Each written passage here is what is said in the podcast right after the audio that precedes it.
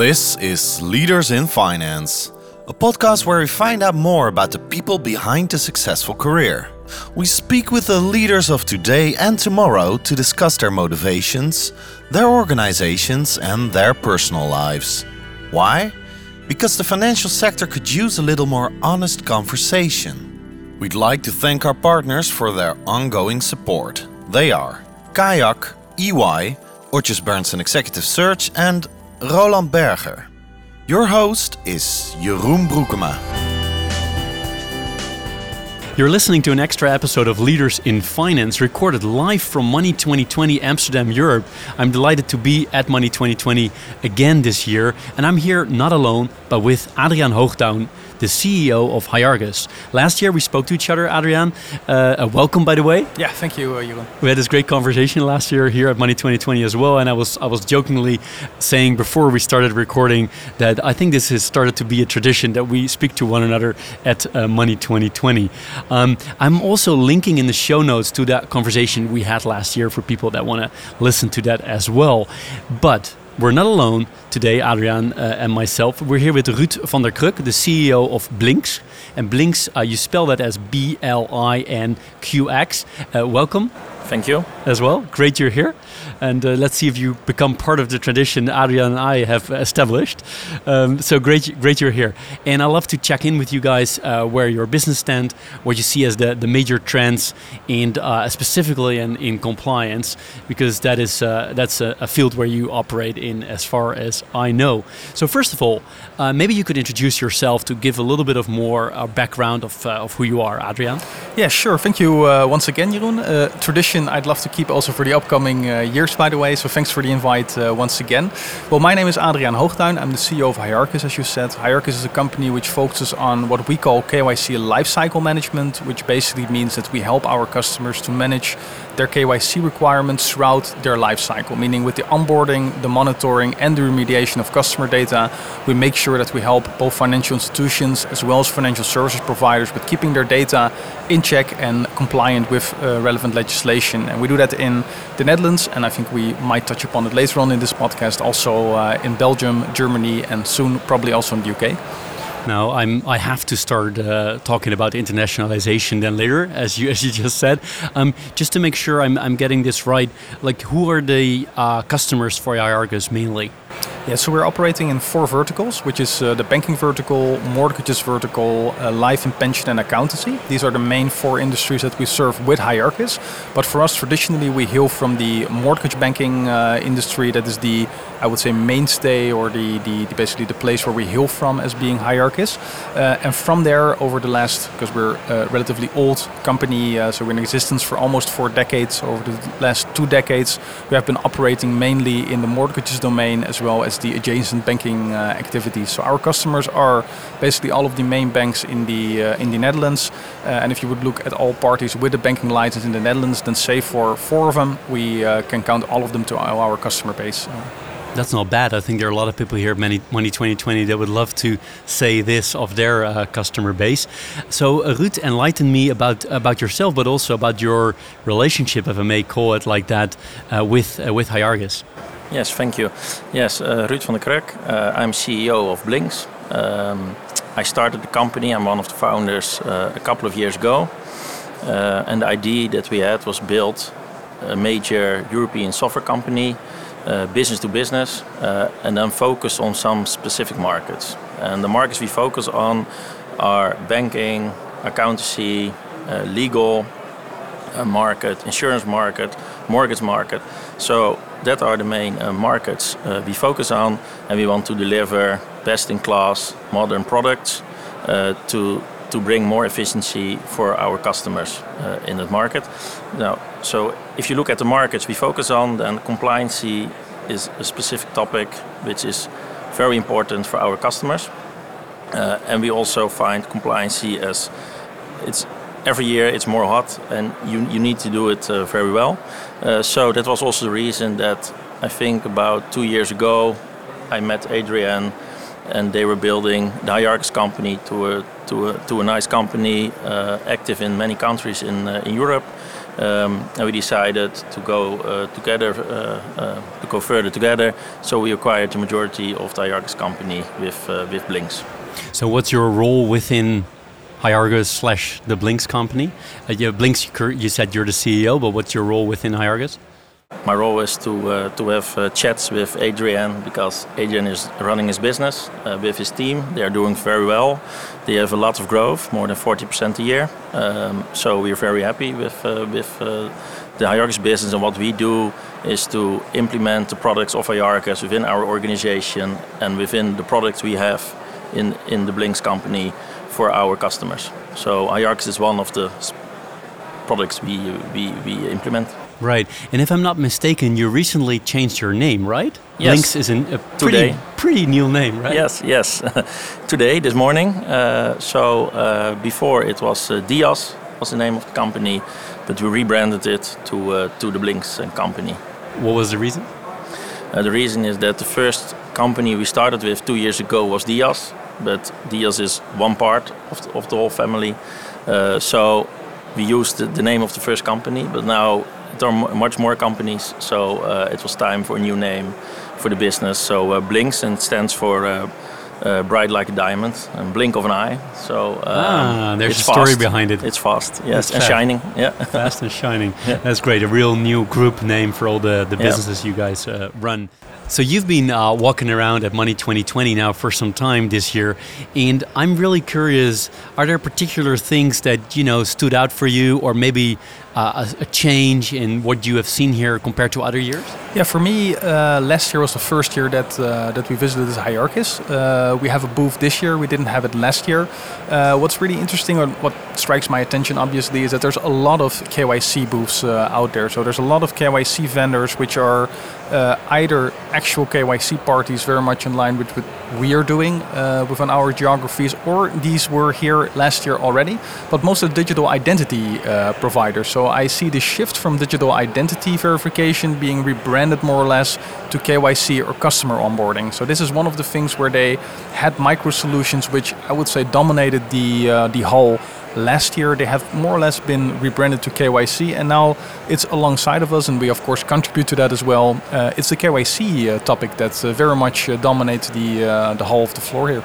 Is that purely rebranding, or is there also content behind it? Is there something changed as well? Yeah, so I don't know, of course, all the parties by name which were here, sorry, last year and and reoccurred this year, but I uh, do feel that it's a matter in a lot of cases of rebranding because that digital identity verification obviously forms a part of the customer onboarding process. So I think strategically it would be logic for a lot of these uh, micro solution vendors if they branch out to a broader onboarding street, so to say. So I can imagine that a lot of them has branched have branched out to uh, to different type of adjacent activities. But yeah, furthermore, it's uh, nice to see that we have a lot of colleagues and it's a hot and booming uh, topic. And yeah, as Ruud mentioned before, it's also something we see uh, back in our growth numbers. So it's uh, it's a hot topic in every boardroom, uh, and of course, as Hyarchis, we benefit from that uh, every year by seeing our year-on-year growth uh, rising. And maybe uh, kind of an, uh, stating the obvious question, but why is this becoming so much more important for banks? Because this is the reason why a lot of these, fin- if I can call them fintechs, I mean, you guys are more an established business. I don't know if you call yourself a fintech. You can also talk to that. But what's the reason that this has become so much more important? Yeah, so we, we do call ourselves a fintech. Just want to say that uh, straight. We're an old fintech, but nonetheless, we don't think that the term uh, should discriminate on uh, on Fair age. enough. Fair enough. So uh, we're an old fintech. Uh, we also, uh, and that's also where, where comes in to answer that question. Ruud is a fellow entrepreneur, and where I started my journey with Hyarchis, you yeah, at some point run into the limits of your capabilities, meaning not just personally, but as an organization as well. And that's where uh, and the mentorship from the group as a whole kind of steps in, as well as the capital that they can, of course, back us with to help to realize our growth uh, ambition. So that's the role that Blinqx plays uh, for Hyarchis. If you talk about the importance of, of KYC in the boardroom of banks, then yeah, mainly that is due to a trend which is already ongoing for a few years, and which is simply the fact that the gatekeeper's role, meaning to bar out any sort of criminal activity with regards to financial crime in the uh, financial sector, is being uh, more and more placed on the shoulders of the financial institutions, where previously, meaning many years back, it was more of a governmental uh, task. So ban- banks are increasingly tasked with fighting and battling financial crime, and as a consequence, they need to do more due diligence checks on their customers, and that mainly takes place while onboarding customers or while verifying transactions which take place. And these are exactly the domains where our software is being uh, used by these uh, by these parties. Right, and you already mentioned. Uh, uh you said that's where Ruud came in for you know really supporting the growth of your of your business. And Ruud, that's why I wanted to ask you: um, Is there input from the other businesses you have with Blinqx that can help Hyarchis uh, fuel the growth? I mean, apart from money, because that's obviously helpful. Uh, yes, I think so. Uh, Hyarchis is, has a very good product. They already had a very good product when we uh, acquired the business, but we have a lot of companies and a lot of clients in other markets. They also have a lot of knowledge, and all of those parties need very good KYC and AML procedures, um, like in the accounting market, but also in the mortgage market. Now, for instance, what we do is to integrate the solution of Hyarchis in the suite we deliver to those clients, so all those clients can use the KYC capabilities of Hyarchis uh, for their for their business.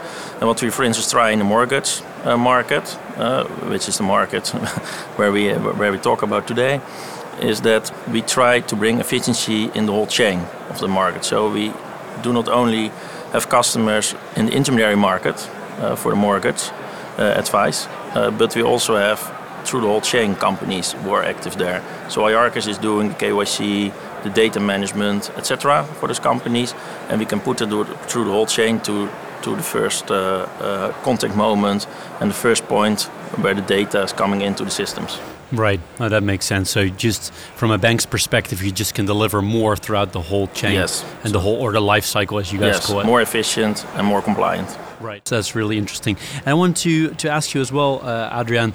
The reason we just spoke about it, the reason that it has become much more important, it's it's, it's top priority uh, to be compliant and do all the KYC lifecycle management, as I said, as you you you name it, is for one part, I think, because you know, C-level is also a bit scared, right? That these things are not run well.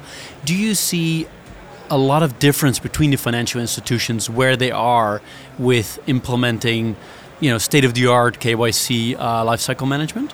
Yeah, that's a, that's a difficult question to answer because I think the priority is felt across uh, all of the, I would say, the financial institutions in the Netherlands and beyond. So I don't really feel that there is a lack of attention for the uh, topic in itself. But you do see a lot of difference in where they stand with regards to especially remediation. And with remediation, I mean the uh, the basically clearing the backlog with regards to the existing customer files, which in the case of the mortgages domain, if we talk about that, or life and pension, can go back several decades. So we have customer files uh, that we ma- under management which date back 40, sometimes even 50 years. And of course, that's a big effort where you also have to make a decision as a financial institution. Namely, do you accept that risk and do you accept the exposure that comes forth from it? Or do you really want to make the investment to address that with the understanding that the further back you go in time, the, uh, the poorer the quality of the data is that you keep there. Uh, but that also means that there is, of course, a higher risk exposure there. So it's kind of a, uh, up until this point of time, we really note that it's still being approached as a business case, whereas in the last few years, more and more, you see a shift to understanding that there's basically a responsibility to do that. It goes beyond the willingness to invest into it. Oh, that's interesting how you describe it, how does, that has changed. This is Leaders in Finance with Jeroen Broekema a term that I often uh, hear and we also spoke about just before we started recording is compliance by design. Can you explain me what you mean with that? Yeah, so compliance by design means that you uh, embed compliance already in your core processes as a business, meaning that uh, it's not an afterthought, which is basically the case with remediation, which could be due to, I would say, less attention for the customer onboarding, for example, in previous times, but also it can be due to the fact that uh, data has been migrated from one system to the other, a company has been acquired which didn't have their data in order in the same way that you had it as the uh, as the uh, acquiring company. So there can be several reasons why uh, such remediation tra trajectories are uh, necessary and why it differs. And to prevent uh, that from happening in the future, these large one-off type of projects that weigh heavily on your on your on your on your profit and loss statement, there is a desire to make sure that you one organize it from the very get-go, meaning that by the onboarding of your customers, you have all the data in check to prevent such one-off costs and make sure that your risk exposure is minimized as much as uh, as possible. And it's obvious that you want to do that as a large financial institution, but and that's something that Ruud can uh, can maybe say a little bit more about uh, because what we see in his uh, in in the group in, in the Blinqx group is that there's also more greenfield type of companies which are being acquired by the uh, the group and traditionally, these are not the companies that have a very heavy emphasis uh, emphasis on uh, on compliance because these are still businesses that are making, for example, their mark in the world. They're on a very strong growth trajectory, and uh, compliance is not one of the things which is uh, top of mind. But especially since the collapse of the uh, of the fintech market uh, last year due to the well, I would say the drying up funding for the uh, for the market, you see that scalability becomes more and more a uh, requirement. And with scalability, I mean the ability to scale across uh, legislations and there therewith across borders, basically. And it becomes more of a topic that uh, but it's really Ruud's uh, realm, I would say, where investors are looking at. And we also with Hyarchis see some odd customers that we have onboarded in the last two years, which are really greenfield operations. So not at all in keep with our traditional customer base. Uh, well, you have mentioned Ruud's name twice, so uh, I mean, I think you should speak to it. Yes, what we see uh, if you look at uh, what, what venture capitalists are doing is they want to acquire businesses which are scalable. Um, and in, in the field we are operating in, compliance is is very important. Um, as, as we talked about earlier, it's, it's a license to operate. So you need to have it in place. It needs to be top notch, very uh, high quality. Do you deliver? You need it to be scalable in other countries also. If you look at uh, Revolut uh, in England, they have problems with, with a banking license uh, to get one. And if you don't get those licenses, you cannot grow you cannot you, you cannot uh, scale. So for us, it's important to see for every company we we work uh, with in our in, in our group that the compliance is top of top quality. And with the Hyarchis solution, we can bring our companies further from the first moment of contact with their potential new prospects or clients. Right. In the beginning, we spoke a little bit, or Adriaan, you mentioned it, that you want to go abroad, do more countries, work in more countries. So, and uh, you know, tell me more because I'm really interested about this uh, internationalization plans you have. Yeah, so, so we're trying to, to of course target a little bit uh, the things we share at least to uh, to what's relevant also to uh, the startup community or the fintech community, yeah, which is in presence here in uh, at Money 2020. And I think for uh, for us, uh, internationalization is important, but for I would say any fintech or every fintech, better said, it's I would say almost the holy grail. So every fintech sees internationalization as the proof of the pudding of scalability. And for us, we target KYC lifecycle management, meaning KYC requirements requirements for our customers within the financial industry, and that means that they typically also operate across uh, borders. So that's where we had our first experiments and could dip our toes into the waters of other legislations. And that's also what we've built our product around. And that's, of course, a heavy investment from our side to build a product which was language agnostic, uh, meaning that we could uh, cross it, uh, that we could scale it across multiple uh, uh, languages, as well as, uh, as borders therewith. And that's been an investment which I, of course, have to justify towards our board of shareholders. Um, and that means also that we obviously seek for that internationalization. And it's not because uh, I refer to it jokingly since uh, uh, the shareholder sitting right next to me, but um, of course it's also for us an ultimate validation of our product because we believe that we, um, in essence, solve a European problem because legislation is more and more determined in Brussels. Um, so for us, the ability to scale our product to other European countries that means basically that we have indeed built a product which stands the test also in other uh, countries. So this year we have been able to announce a, uh, a go live in Germany uh, with a large uh, Turkish bank that we uh, that we serve there, as well as uh, two go lives already at the end of last year in Belgium. And as we speak, we're working on one important proof of concept in the UK, which we hope will convert into an actual live customer there somewhere at the second half of this year. But that's for us, of course, very exciting news because with these footholds in these markets, we plan, of course, to grow uh, there. And we, of course, also towards our home market have a good story about why our product is relevant. Because if it's being uh, adopted abroad, of course, it should be and could be adopted in, uh, in the Netherlands as well. I sense a lot of ambition here. There is, yeah. There is. and is the hardest nut to crack ultimately regulation? Because it's so different in every country? Because you first mentioned uh, language agnostic. I thought you would mention regulatory agnostic or, um, you know, tailor-made. I would say to the different legislations, different regulatory regimes. Yeah, so that is also I think regulatory agnostic is also one component there. So we have from the very beginning. Uh, so we started in 2018 with uh, specific tooling for uh, GDPR compliance, so for privacy legislation on a European level, uh, which was just implemented in 2018. And that legislation uh, is something that is still uh, very much a debate, meaning that every financial institution uh, perceives their responsibility under this uh, this body of legislation differently. So what we have steered clear from from the very beginning is to actually enforce an interpretation of that legislation upon our customers. So what we are really into is the business of e-discovery, meaning that we basically provide all of the information and all of the data relevant to a customer, as well uh, as running all of the necessary checks outside of their own data sources, meaning watch lists, PEP lists, sanction registers, and you name it. That's all service that we provide, with the aim of basically giving the customer as much information as they need in order to uh, let their own internal governance decide on the needs uh, with regards to treating this uh, or dealing with this particular customer. So we see ourselves as the uh, supplier, I would say, of the data necessary to implement uh, the KYC governance of that particular, or the AML governance of that particular financial institution, but we're not dictating the terms of, uh, of this legislation. Wow.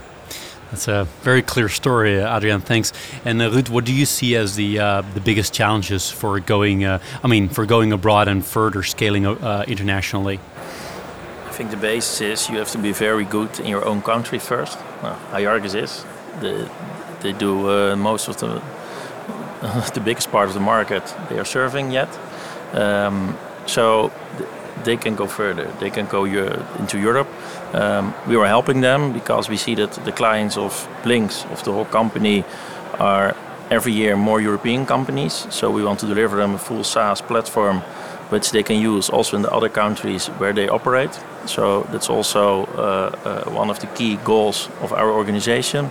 So with Hyarchis, who's on the on its way uh, to be successful in Europe, we are we are helping where we can, and um, we have good contacts. Uh, we have a big network also in Europe, and we have a lot of experience in our board of shareholders because one of our shareholders is AG Capital, one of the biggest uh, uh, software investors uh, in the world, um, and they have a lot of companies growing in Europe. So with their expertise and also the expertise of Chris Ouwinga, one of the shareholders, one of the founders of Unit 4, together we can build a very good uh, European company. Uh, but first of all, always be successful in your home market, and then you can go abroad. So very clear, very clear can, message for yeah. other for other fintechs that want to go abroad. So uh, I sense again a lot of ambition. That's that's good, and I love to uh, to follow that.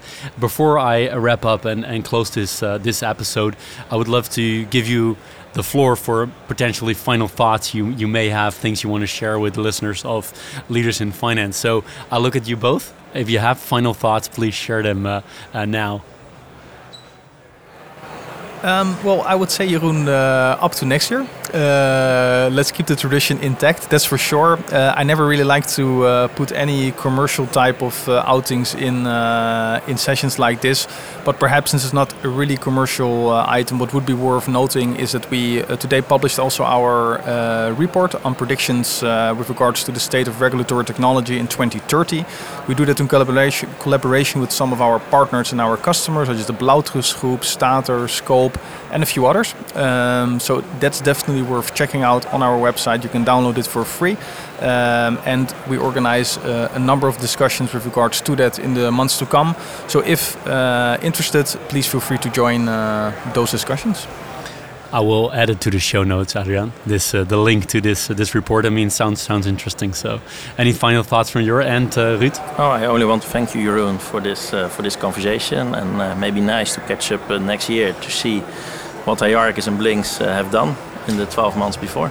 We will figure out if Adriaan allows you. But it sounds like he brought you this year, so probably he brings you next year again. Uh, thanks, gentlemen, for uh, talking to uh, leaders in finance in this extra episode live from Money 2020 in Amsterdam uh, in 2023. Uh, thanks again for taking the time. Thanks, Jeroen, Thank for the invite. Uh, thanks.